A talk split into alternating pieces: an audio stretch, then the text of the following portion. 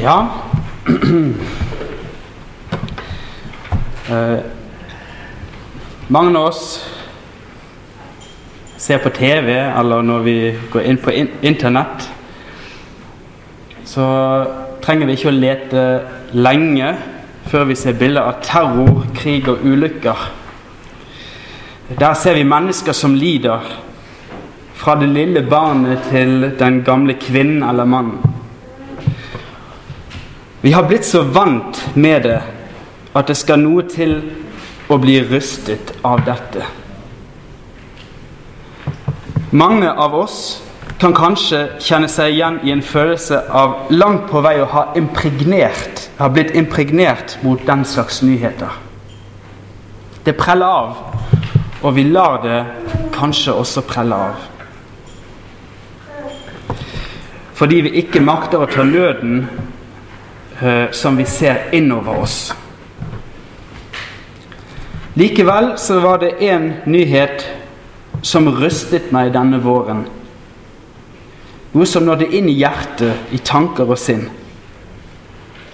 Det var en far og en mor i Norge, på Vestlandet, som plutselig mistet omsorgen for sine fem barn. Jeg vil ikke her ta stilling til selve innholdet i denne saken, for det har jeg muligens for lite kunnskap om. Jeg vil heller ikke reise spørsmålet om barnevern som sådan, for slikt hører hjemme på en annen arena. Det som slo meg, det var tanken på den smerten disse foreldrene måtte oppleve Smerten av det å være skilt fra hverandre.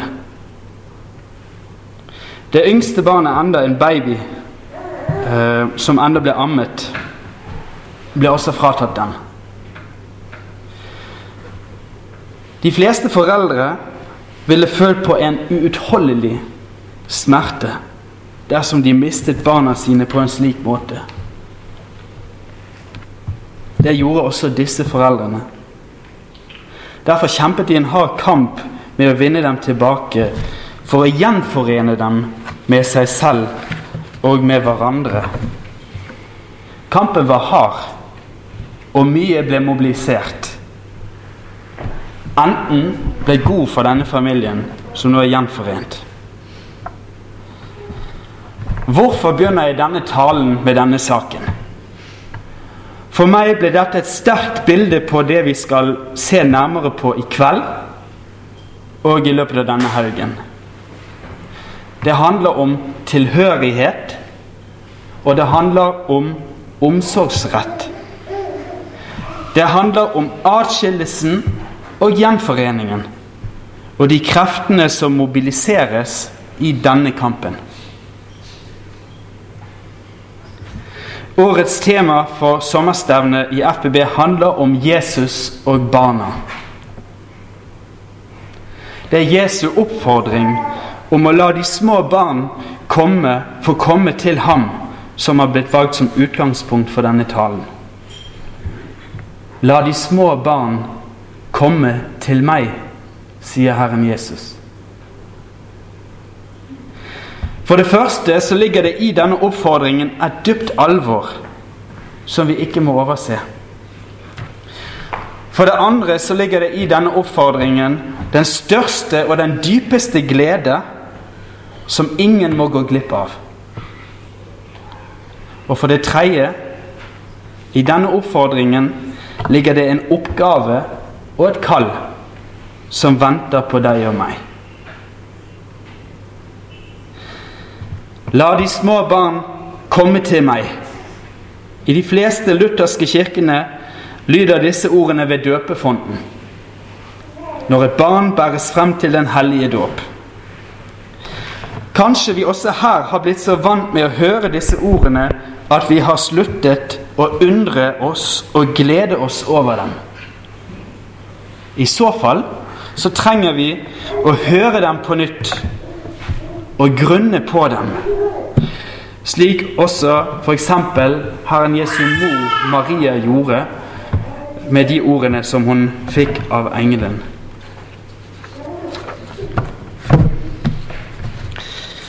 Ordet som er utgangspunkt for kveldens tale, er hentet fra Markus 10, versene 13-16. Og de bar små barn til ham for at han skulle røre ved dem. Men disiplene truet dem som bar dem.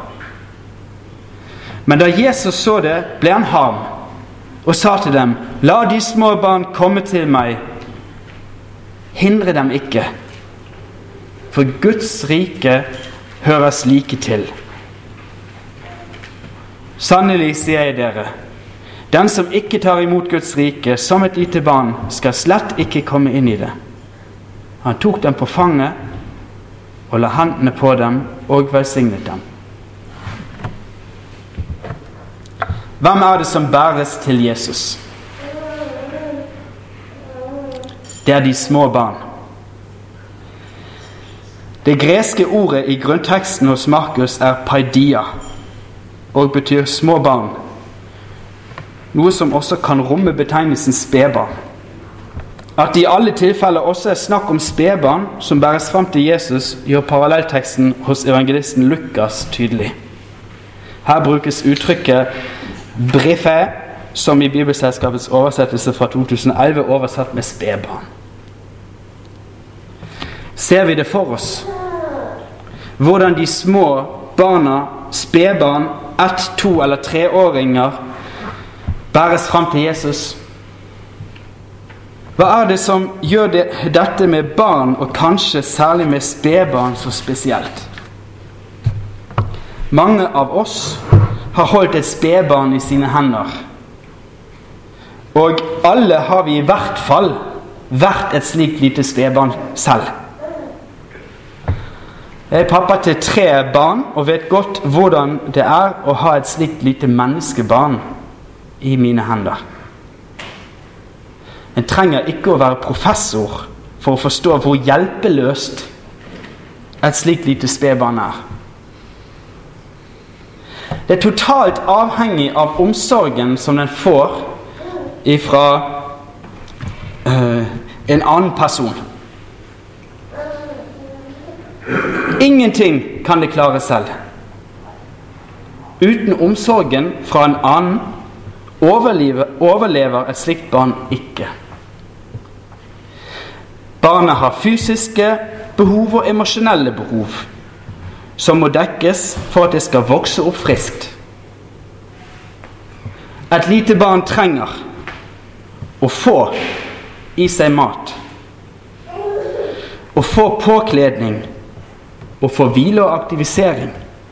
Å få oppdage ting.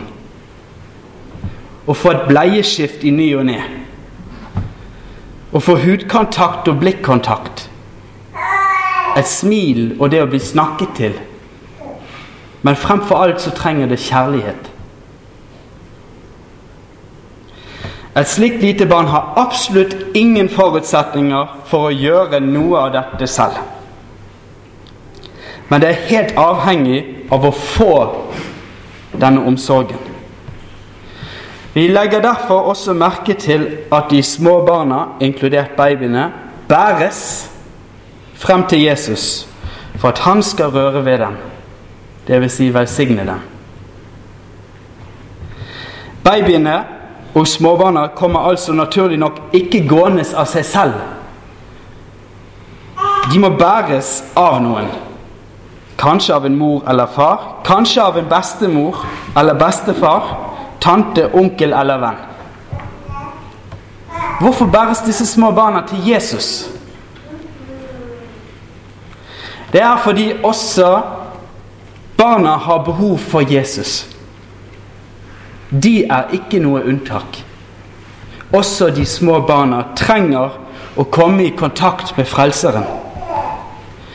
Dette blir jo ikke minst synlig av Jesus' sterke formaning til disiplene om ikke å hindre de små barna fra å komme til ham. La de små barn komme til meg, og hindre dem ikke, sier Herren. Trenger de små barna Jesus? Trenger babyer Jesus? Disiplene mente i denne situasjonen nei. Jesus er tydelig med sitt svar. Ja. Også disse skal komme til ham. For også disse har Han kommet for å gi del i Guds rike. I disse Jesu ord ligger det et dypt alvor. Ingen skal hindre et barn fra å komme til ham. Heller ikke det minste barnet skal nektes adgang til ham. Dette dype alvoret bunner i det faktum at alle mennesker, enten de er små barn eller de er voksne, er syndere og trenger, som trenger Guds nåde, som skjenkes oss gjennom Jesus Kristus alene, i dåpen og ved troen på ham. Uten Jesus, derimot, forblir ethvert menneske fortapt. Hvorfor er det slik? Alvoret i Jesu formaning bunner i at han er kommet for å oppheve den atskillelsen mellom Gud og menneskeheten som kom inn i verden gjennom syndefallet. Den hellige skrift gjør det tydelig på flere steder at synden har trengt gjennom til alle mennesker, helt fra unnfangelsen av. David ber i Salme 51.: Se, jeg er født i misgjerning, og min mor har unnfanget meg i synd. Og Paulus skriver i Romane 5.: Derfor, like som synden kom inn i verden ved ett menneske, og døden på grunn av synden, og døden slik trengte gjennom til alle mennesker fordi de syndet alle. I vår lutherske bekjennelse Confessio Augustana så leser vi jo om arvesynden i, eh, i den andre artikkel. Jeg leser litt herifra. Likeens lærer de at alle mennesker som er forplantet på naturlig vis etter Adams fall, blir født med synd Dvs. Si uten frykt for Gud, uten tillit til Gud og med begjær. Og den arvelige sykdom og brist er virkelig synd, som fordømmer og også nå fører med seg den evige død for dem som ikke blir gjenfødt ved dåpen og Den hellige ånd.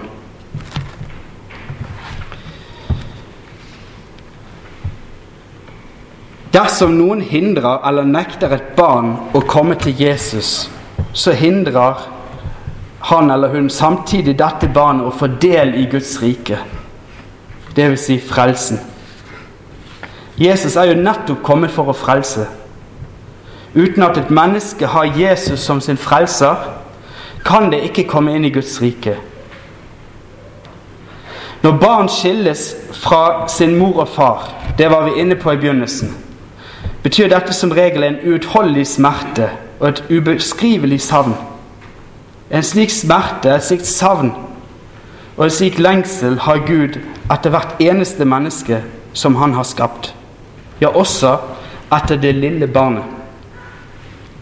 For Herren elsker sin skapning. Da jeg bare var et foster, så dine øyne meg. I din bok ble de alle oppskrevet, de dagene som ble fastsatt da ikke en av dem var kommet. Og Herren elsker sin skapning på trass av dens medfødte onde natur. For mens vi ennå var skrøpelige, døde Kristus til fastsatt tid for ugudelige. Men Gud viser sin kjærlighet til oss ved at Kristus døde for oss mens vi ennå var syndere. Med bakgrunn i dette aner vi altså det dype alvoret i Jesu formaning til disiplene sine og til oss alle. La de små barn få komme til meg. Men i disse ordene ligger det også, og kanskje må vi, eller vi må si fremfor alt, en uutgrunnelig stor glede og trøst. For Jesus er heller ikke de minste glemt eller uviktige. Han vil ha med dem å gjøre. Han vil være deres frelser. Jesus oppfyller dermed det profetiske ordet fra Salme 8, vers 3. Av småbarn og spedbarns munn har du reist et vern for dine motstanderes skyld for å stoppe munnen på fienden og den hevngjerrige. Jesus verdsetter disse hjelpeløse små spedbarn, babyene og småbarna. Ja, mer enn det. Han fremhever dem som forbilde for hvordan man skal ta imot Guds rike. Hvordan var det disse barna kom til Jesus? Svaret er at de ble båret. Legg merke til den herlige passivformen. De ble båret. Hva var det de kunne bringe til Jesus for at han skulle velsigne dem? Svaret er ingenting. Intet. De kunne ikke bringe ham noe annet enn sin egen hjelpeløshet. De var helt avhengig av at Herren Jesus ville forbarme seg over dem og ta imot dem. Og evangeliet, det gode budskap, er at Jesus ville, og han vil det fortsatt. Han støter ikke de små bort, slik disiplene ville det. Tvert imot, han tar imot dem. For ham er det ikke avgjørende hvor mye kan, noen kan yte eller bidra med, hvor lærd i menneskelige øyne eller vellykket noen måtte være.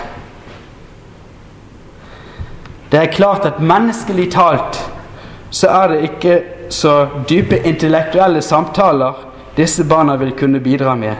Men Jesus verdsetter altså disse små nettopp fordi de er hans elskede skapninger som han er kommet for å gjenforene med Gud Fader. Men det dåraktige i verden, det utvalgte Gud seg for å gjøre de vise til skamme. Og det som er svakt i verden, det utvalgte Gud seg for å gjøre det sterke til skamme. Det som er lavt i verden, og det som er foraktet, det utvalgte Gud seg. Det som ingenting er, for å gjøre det til intet som er noe, for at intet kjød skal rose seg for Gud. For det er Hans verk at dere er i Kristus Jesus. De små barn, de som intet har av gode gjerninger å vise til, de som bare er mottagere av andres omsorg og barmhjertighet, det er nettopp de Jesus fremhever som forbilder for alle som vil få del i Guds rike. Sannelig, jeg sier dere, den som ikke tar imot Guds rike som et lite barn, skal ikke komme inn i det. Har du og jeg noe til felles med et spedbarn? Ifølge Bibelens vitnesbyrd er det dette som er tilfellet. Når det gjelder vår frelse og salighet, er vi voksne like hjelpeløse, like små og avhengige, like nakne og fattige som de små barna som ikke klarer noen ting selv.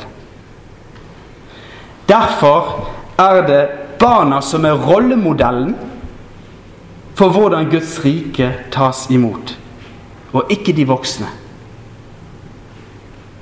Guds rike er den gaven som vi får gratis, uten at vi har gjort oss fortjent til noe som helst, av nåde alene, i dåpen og ved troen på Jesus alene. Gaven, det er et evangelium. Det gjelder deg, og det gjelder meg. Som en god nabo av meg, som også er kristen, uttrykte det da jeg snakket med ham om denne teksten eh, De små barn, det er jo også meg, det. For det tredje og for det siste skal vi merke oss det at det i Jesu ord 'la de små barn komme til meg' også ligger et kall og en oppgave til deg og til meg som er voksne. Hvordan kan vi i dag bære våre barn til Jesus? Det første som må nevnes her, er Den hellige dåp. I den lutherske dåpsliturgien som jeg er mest fortrolig med, Eh, heter det 'Dere som i dag bærer dette barnet frem til Kristus i den hellige dåp'. Ja, når vi bærer det lille barnet frem til døpefonten, da bærer vi i sannhet barnet frem til den levende Herren Jesus. Legg merke til verbet 'bærer', som vi allerede har vært inne på. Altså kan vi i dag bære våre barn fram til Jesus? Svaret er ja. Vi ser ham ikke enda, men han har gitt oss dette synlige middelet ved hvilket han skjenker oss sin nåde og frelse, nemlig dåpens vann, som sammen med Guds ord og evangeliets løfte blir til gjenfødelsens bad og frelsens kilde. I dåpen er det Gud som handler med et menneske. Her blir vi ved Guds ånd og dåpens vann forenet med Herren Jesus Kristus, som har vunnet Guds rike for oss gjennom sin soningsdød og sin oppstandelse. Sannelig, sannelig, sier jeg deg, uten at en blir født av vann og ånd, kan en ikke komme inn i Guds rike, sier Herren Jesus til Nikodemus. I dåpen, der får vi del i Jesus, i hans død og i hans oppstandelse. Dvs. Si i hele hans frelsesverk for oss. Vi som voksne har det ansvar å la barna våre få del i denne frelsen som Gud gir oss i dåpen. For løftet som ligger i evangeliet om Jesus, og som vi får del i allerede i dåpen, det tilhører også barna. For løftet tilhører dere og deres barn, understreker apostelen Peter i sin pinsetale. Et lite barn klarer ikke å komme frem til døpefonten av seg selv, men det må bæres frem til Jesus i dåpen av en annen. Men dette gjør, eh, med dette, ved å bære barna til dåpen, gjør vi barnet den største tjenesten som vi kan gjøre et menneske. Men for at barnet skal bli bevart i troen på Jesus Kristus, trenger det akkurat som vi voksne å høre om Jesus. Her ser vi kallet og oppgaven til oss voksne som ligger i Jesu ord 'La de små barn komme til meg'. Det handler om å gi barna Guds ord. Det nye testamentet gir oss et godt eksempel på en som fikk sin slik opplæring i Guds ord allerede fra barndommen av, nemlig Timoteus. Apostelen Paulus minner ham om dette. Helt fra barndommen av kjenner du de hellige skrifter, som kan gjøre deg vis til frelse ved troen på Kristus Jesus.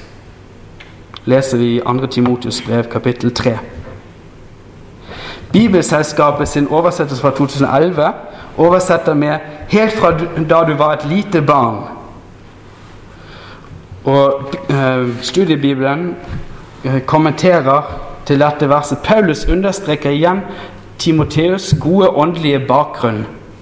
Han hadde fått solid opplæring i de hellige skrifter fra moren Øynike og moren Louise. Denne kunnskapen hadde ført ham til frelse. Å la de små barn få komme til Jesus, det handler også om å undervise barna ut ifra Guds ord. Som vi ser i Timotus sitt tilfelle, så skjer den sentrale trosopplæringen i hjemmet. Det var moren og mormoren som underviste ham i de hellige skriftene som ledet ham til troen på Jesus.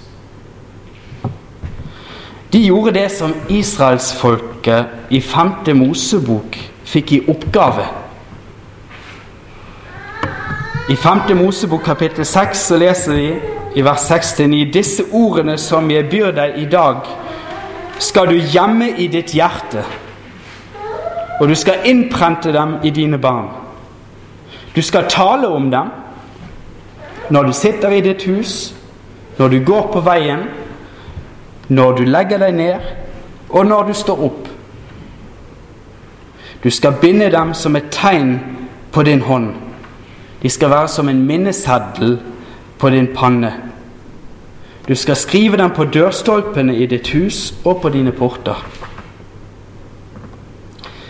Overskriften som studiebibelen eh, Ressurs har satt over dette avsnittet, er 'innprent ordene i barna'. Med å innprente menes her nettopp det å lære barna. Så langt jeg kan se, er ordet 'innprente' ikke så mye brukt i vårt dagligdagse språk lenger. Likevel syns jeg det fanger godt opp viktigheten av selve innholdet i det som skal formidles og læres. Kanskje en kunne brukt ordet 'innskjerping' i stedet. Bibelselskapet oversetter her med at du skal gjenta disse ordene for dine barn. Hva var så innholdet i det, i det som skulle formidles her? Det er Shema, Israels trosbekjennelse. Hør Israel, Herren er vår Gud, Herren er én. Og du skal elske Herren din Gud av hele ditt hjerte, og av hele din sjel og av all din makt. Disse ordene og Guds lov, de ti bud, skulle være til stede hos folket på alle livets arena. Det skulle gjemmes i det indre, i hjerte og sinn. Og det skulle få lyde i det ytre, gjennom tale og gjerning. Ja, det skulle omgi hele menneskets tilværelse. Vil si de stedene man befant seg, f.eks. dørstolpene i huset og på portene. Med andre ord hele virkelighetsforståelsen og handlingene ut ifra denne skulle være preget av Guds ord. Herren er vår Gud, og Han alene. Ham skal du stole på og tro på. Vi tror på at Bibelen er Guds åpenbarte ord til oss. Derfor har disse ordene fra 5. Mosebok også den høyeste relevans for kristen opplæring i 2016. Vi skal på samme vis innprente Guds ord i barna våre. Og vi vet at det er de hellige skrifter, for vi vet at det er de hellige skrifter som kan gjøre vis til frelse ved troen på Kristus Jesus. Det betyr at også vi på samme vis er kalt til å la Guds ord få være til stede i hjemmene våre og overalt der vi ferdes. La Kristi ord få være for La Kristi ord bo rikelig iblant dere, så dere lærer og formaner hverandre i all visdom, ved salmer og lovsanger og åndelige viser, og synger med takknemlighet i deres hjerter for Gud, skriver Paulus i Kolosserbrevet. Noen vers senere gir han konkrete formaninger til hvordan livet i hjemmets relasjoner skulle leves. Å la de små barna komme til Jesus, trosopplæringen, handler altså i stor grad om grunnholdningen som verdsetter Guds ord ved å gi det den plass i våre hjerter og liv som det skal ha slik at det skapes et rom for oss selv og for våre barn, der Guds ord kan høres og tas imot i tro. Det er slik Grundtvig sier det i den kjente og kjære salmen Guds ord, det er vårt arvegods. Det våre barns skal være. Gud gi oss i vår grav den ros. Vi holdt det høyt i ære. Det er vår hjelp i nød, vår trøst i liv og død. O Gud, hvordan det går, la dog mens verden står, det i vår ett nedarves. Hvordan kan vi helt konkret gi Guds ord videre til barna våre?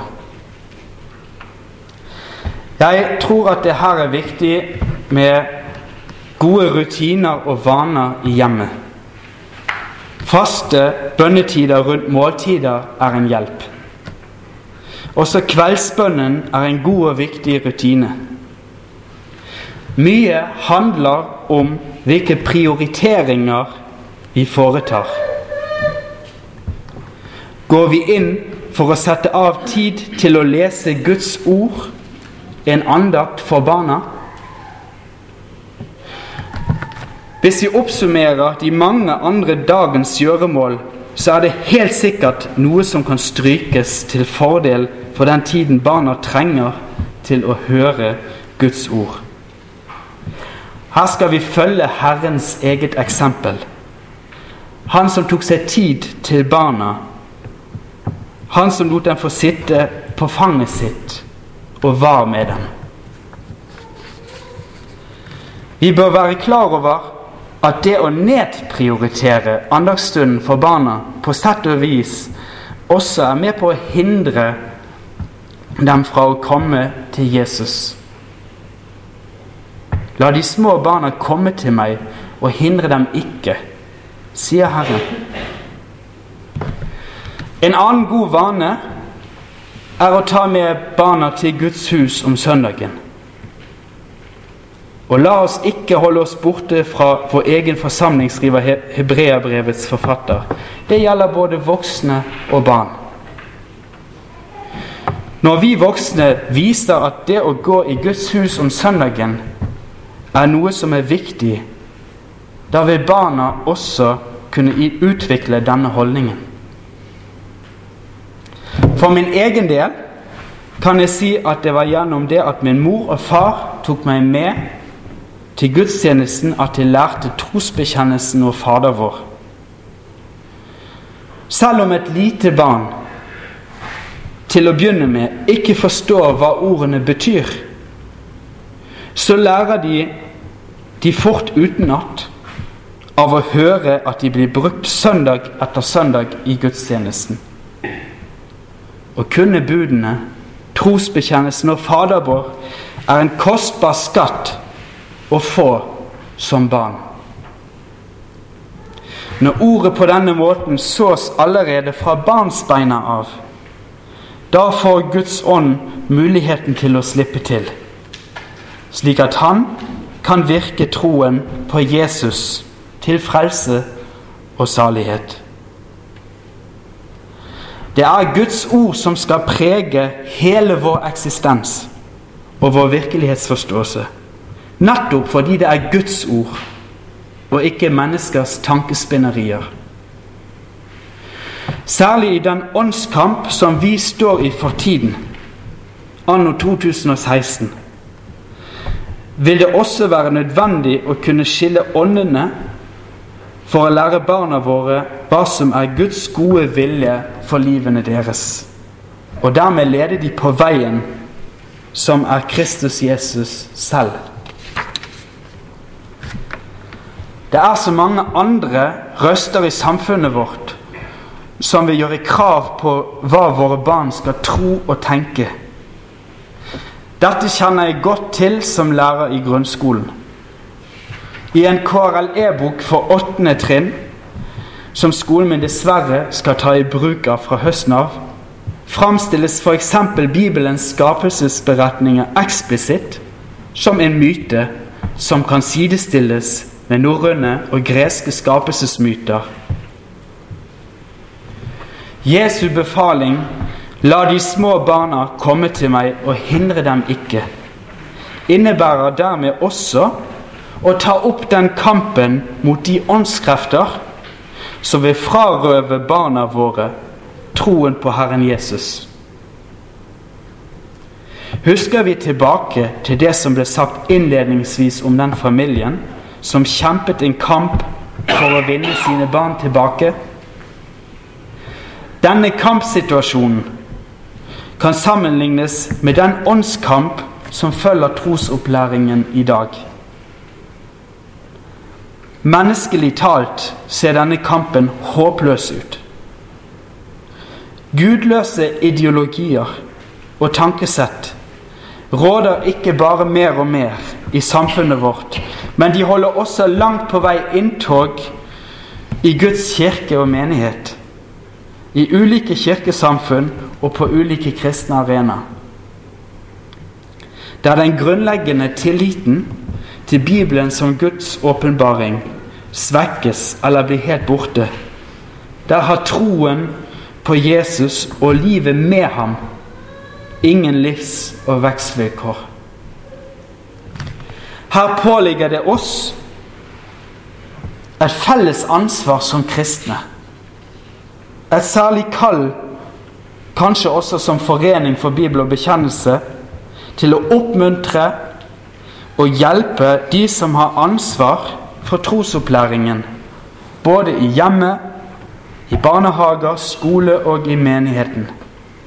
Til å holde fast på Guds ord, slik Paulus sier det i andre kor 10. Til å bryte ned festningsverker idet vi river ned tankebygninger og enhver høyde som reiser seg mot kunnskapen om Gud. Og tar enhver tanke til fange under lydigheten mot Kristus.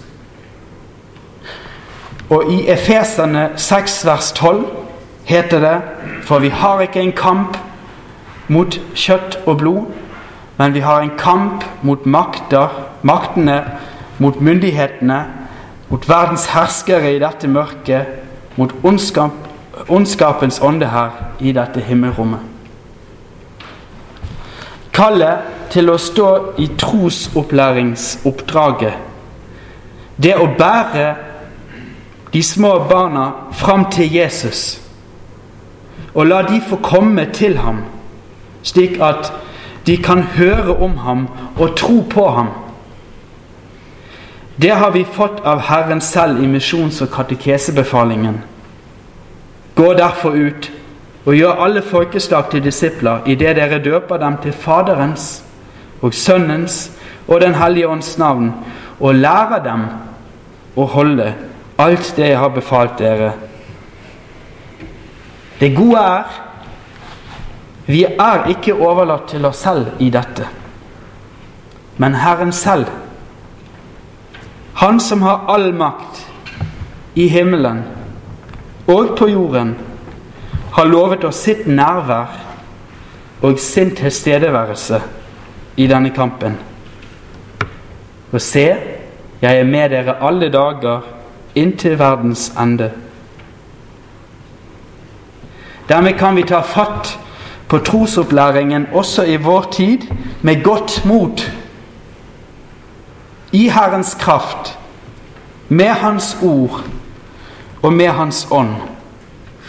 Bli sterke i Herren og i Hans veldige kraft. Til sist å bære de små barna til Jesus Å la de små barna få komme til ham handler også om bønnens tjeneste for de små. Hvor mange av oss er ikke slike bønnebarn? Vi har hatt foreldre, eller besteforeldre, kanskje tanter og onkler, eller venner, som har bedt for oss og for troen vår. Også dette er å la de små barna komme til Jesus. Det er makt i de foldede hender. I seg selv er de svake og små. Men mot allmaktens Gud du dem venner, han har lovet at svar skal du få. Skriver Trygve Bjerkreim. Og videre heter det i neste vers Du som ber for ditt barn, dine kjære går i forbønn fra år og til år. Om du tålmodets lekse må lære, himmelens bønnesvar en gang du får.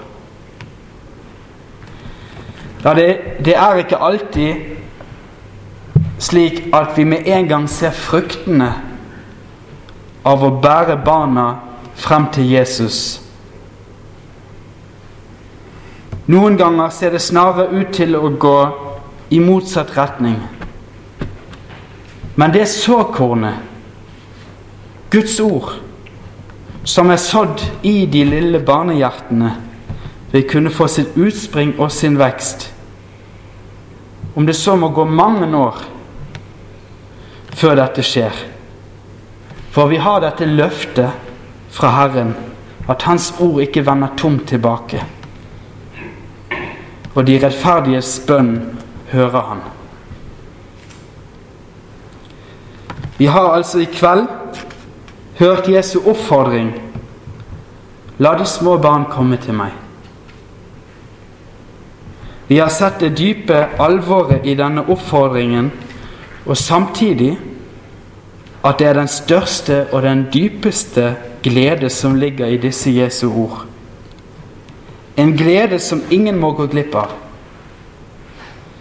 Og vi har vært inne på det at det i disse Jesu ord også ligger en oppgave og et kall til meg, til deg og meg. Som når et barn kommer hjem om kvelden og møter en vennlig favn. Slik var det for meg å komme til Gud. Jeg kjente at der hørte jeg hjemme. Det var en plass i Guds store rom, en plass som ventet her på meg, og jeg kjente her er jeg hjemme. Jeg får være et barn i Guds hjem.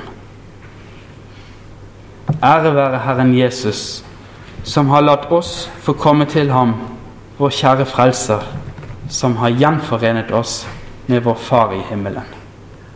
Amen.